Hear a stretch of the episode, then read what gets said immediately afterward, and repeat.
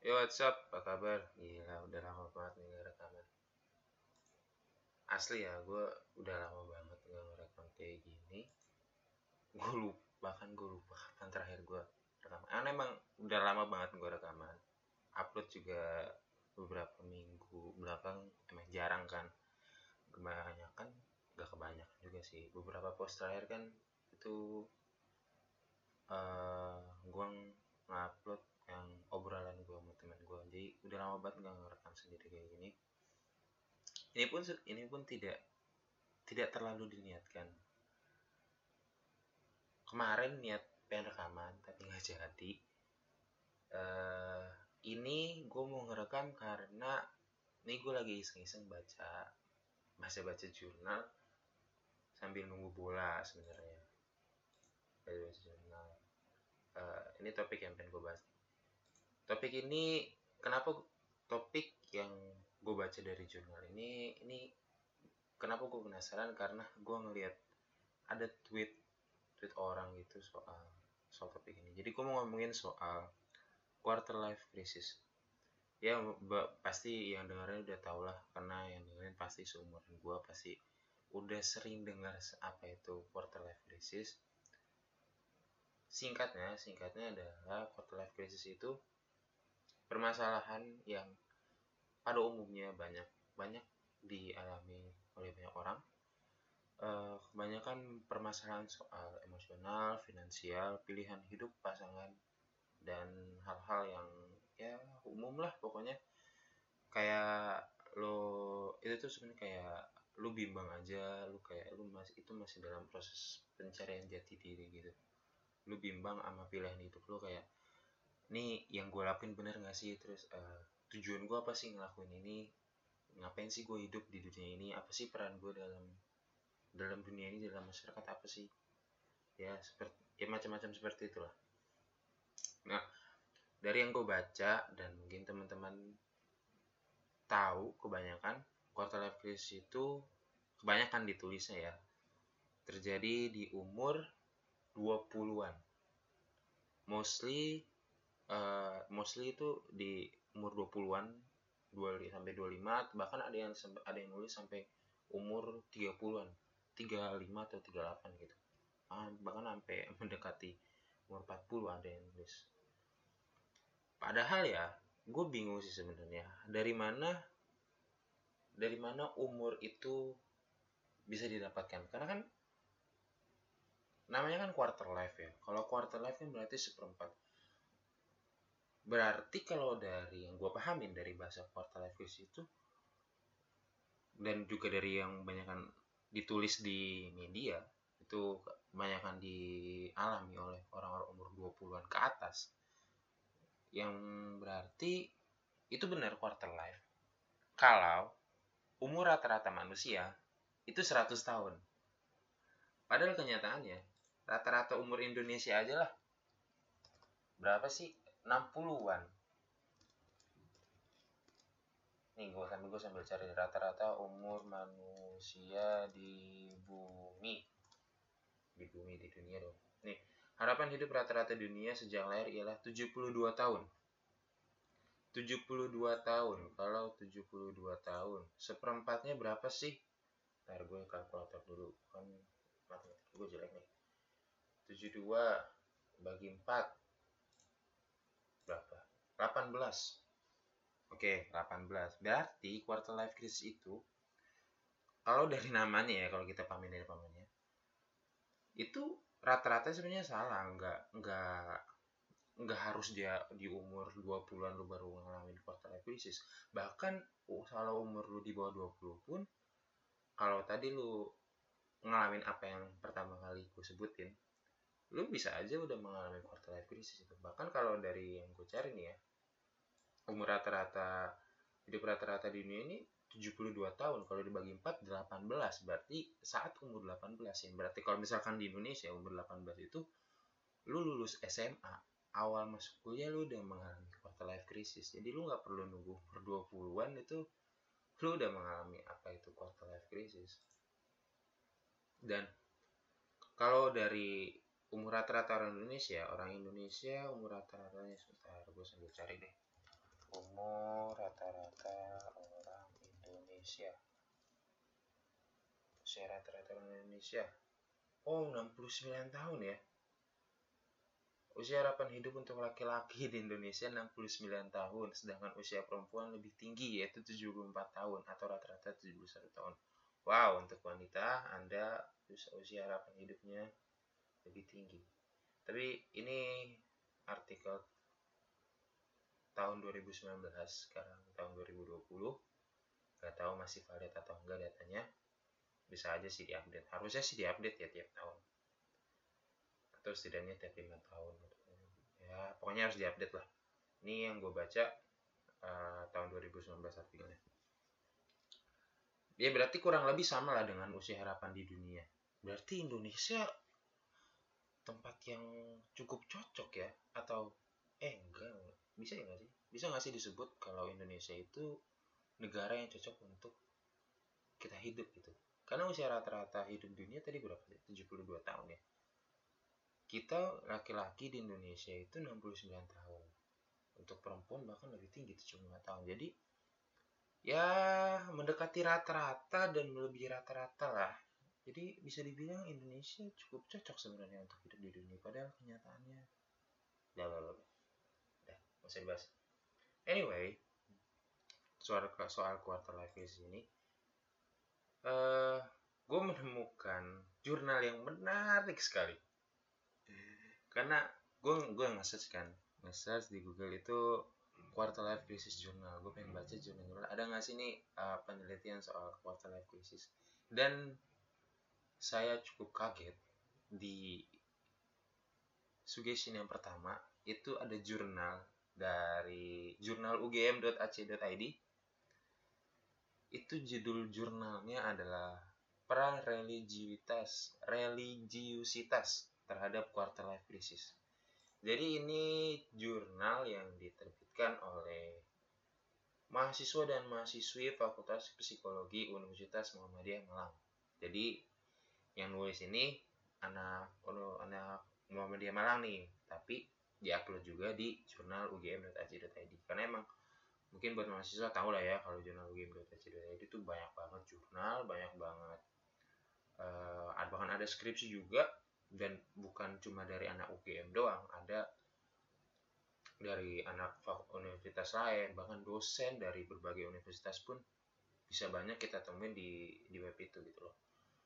Nah di sini dia melakukan penelitian lah soal tadi sesuai dengan tema sesuai dengan judulnya peran religiusitas buat yang nggak tahu religiusitas itu hubungan lu dengan Tuhan. Buat yang nggak tahu mungkin ada yang nggak tahu apa sih itu religiusitas di sini kalian bisa cari sendirilah jurnal ini. Tulis di googlenya quarter life crisis journal. Dan yang pertama kalau di gue sih yang pertama pertama banget itu yang keluar itu kalian bisa baca sendiri lah gue gue gue bacain ini aja lah ya langsung simpulannya hasil diskusinya. Uh, hasil penelitian itu ternyata penelitian ini menunjukkan bahwa religiusitas berpengaruh terhadap quarter life crisis. Khususnya ini penelitian terhadap mahasiswa ya. Mahasiswa umur 18 sampai 25 tahun berarti umur 18 ya benar ya umur 18 umur rata-rata orang-orang masuk universitas 25 tahun itu berarti usia maksimal lu ada di universitas karena tujuh tahun lah ya tujuh tahun. Itu itu batasnya gak sih? Emang ada yang ada yang di atas tujuh tahun gak sih maksud gue kayaknya kayaknya tujuh tahun itu udah maksimal deh. Dengan ini ada banyak ya uh, orang-orangnya umurnya ada banyak terus gendernya gender kelaminnya ada banyak. Gak ada nggak banyak juga dua sih kayaknya. Untuk laki-laki dan perempuan doang yang dicari. Terus agamanya dari agamanya ini beda-beda. Ini dari agamanya ada berapa nih? Satu dua tiga empat. Oh ada lima. Ada lima agama. Terus ya. Dia hasilnya ini menunjukkan bahwa ada hubungannya religiusitas terhadap quarter life crisis masih jadi kesimpulan di sini penelitian ini bahwa kalau semakin kita religius maksudnya semakin hubungan kita baik terhadap Tuhan kita itu cara kita menghadapi quarter life crisis itu tidak maksudnya tidak terlalu khawatir lah jadi untuk orang-orang yang punya pegangan agama yang kuat punya punya hubungan spiritual yang kuat itu kalau menghadapi quarter life crisis itu tidak terlalu repot dibandingkan orang yang memiliki hubungan spiritual yang kurang dari rata-rata. Mungkin gue nggak tahu sih rata-ratanya seperti apa. Tapi yang pasti di sini disebutkan kalau orang yang punya religi kalau religi ah kok bahasanya apa sih religiusitas. Religiusitas ya tinggi atau di atas rata-rata lah mungkin ya. Itu lo menyikapi crisis itu lebih santai lah singkatnya seperti gampangnya seperti itu. Gue pun baru tahu nih karena kalau soal quarter life crisis ya yang sering gue permasalahan ya itu tadi soal kenapa sih quarter life crisis, quarter quarter life crisis itu sering banget disebutin kalau dialami oleh orang-orang yang cuman di umur 20-an padahal di zaman sekarang ya kita nggak bisa menafikan lah dengan adanya medsos yang udah merajalela yang udah bisa diakses oleh kalangan mana pun.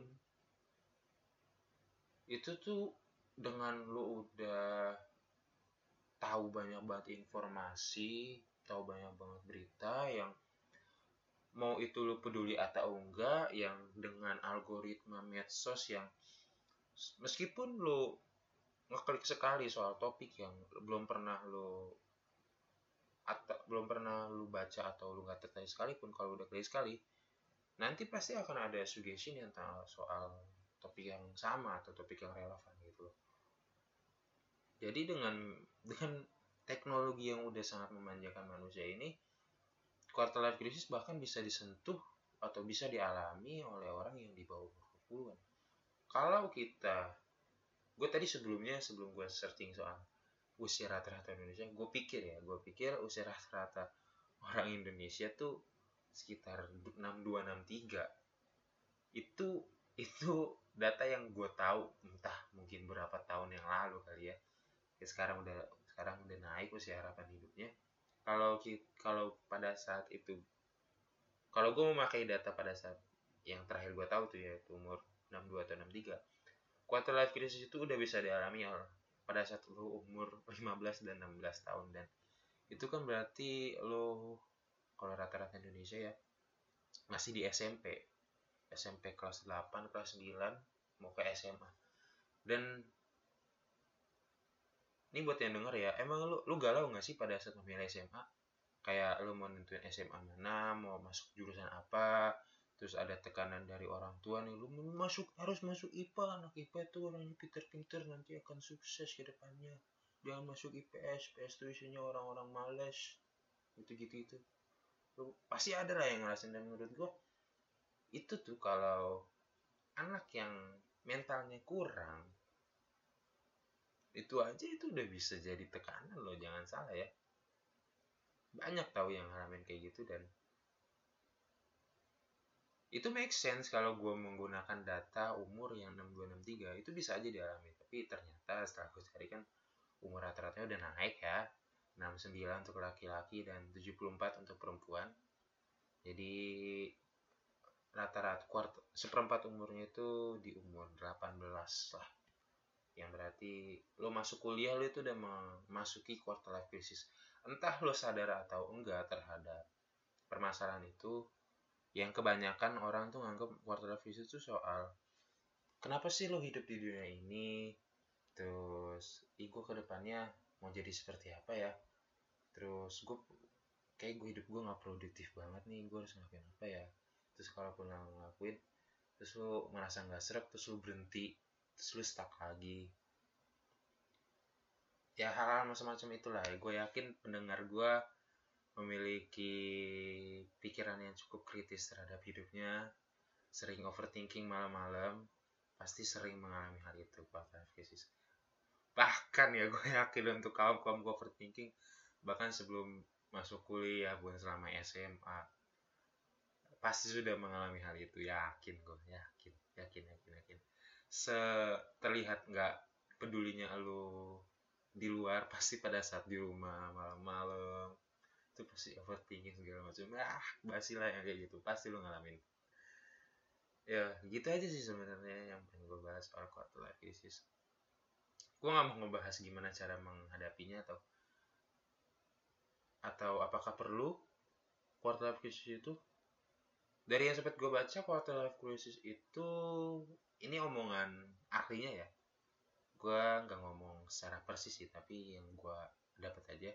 Quarter life crisis itu perlu untuk penemuan jati diri karena dari situasi yang ombang ambing itu lo bisa menemukan apa sih sebenarnya yang lo mau. Terus ke depannya lo harus ngelakuin apa. Nggak apa-apa sebenarnya kalau lo nggak komit terhadap apa yang lo lakuin gitu. Ya namanya juga proses gitu. Biasa namanya juga proses lo masih mencari jati diri lo tapi yang meskipun itu wajar bukan berarti bisa leha-leha. Tapi bukan berarti juga harus cepet-cepet ya. Yang pasti kan uh, yang lo lakuin itu emang bener-bener lo yakin lo ya yang pokoknya yang pertama harus lo lakuin itu lo yakin dulu kalau lo, lo emang benar-benar pengen ngelakuin itu. Terlepas nanti di akhirnya lo akan tinggalin atau lo tetap bertahan yang penting pertama kali itu lo harus yakin dulu terhadap diri lo bahwa lo emang benar-benar pengen ngelakuin itu lo terus lo harus evaluasi terus harus evaluasi apa pun yang lo lakukan. Mau itu benar atau salah harus selalu evaluasi dan harus selalu improve ke depannya. Jangan jangan selalu stuck. Stuck itu nggak apa-apa tapi kalau lu diem selalu diem di tempat nggak akan ke mana-mana gitu. Gitu sih. Itu omongan ahli ya bukan omongan gua. Kalau mau lebih jelasnya ya cari sendiri baca sendiri. Jangan males baca. Kalau kata dosen gua kenapa dinosaurus punah? Karena mereka tidak membaca. Karena emang yang memang tidak bisa membaca. Makanya karena lu manusia kan lu bukan dinosaurus ya lu bisa baca makanya baca. Kata gua sih gitu. Ya udah segitu aja sih. Akhirnya Farid Remizat merekam lagi. Ya thank you yang buat dengerin. See you bye bye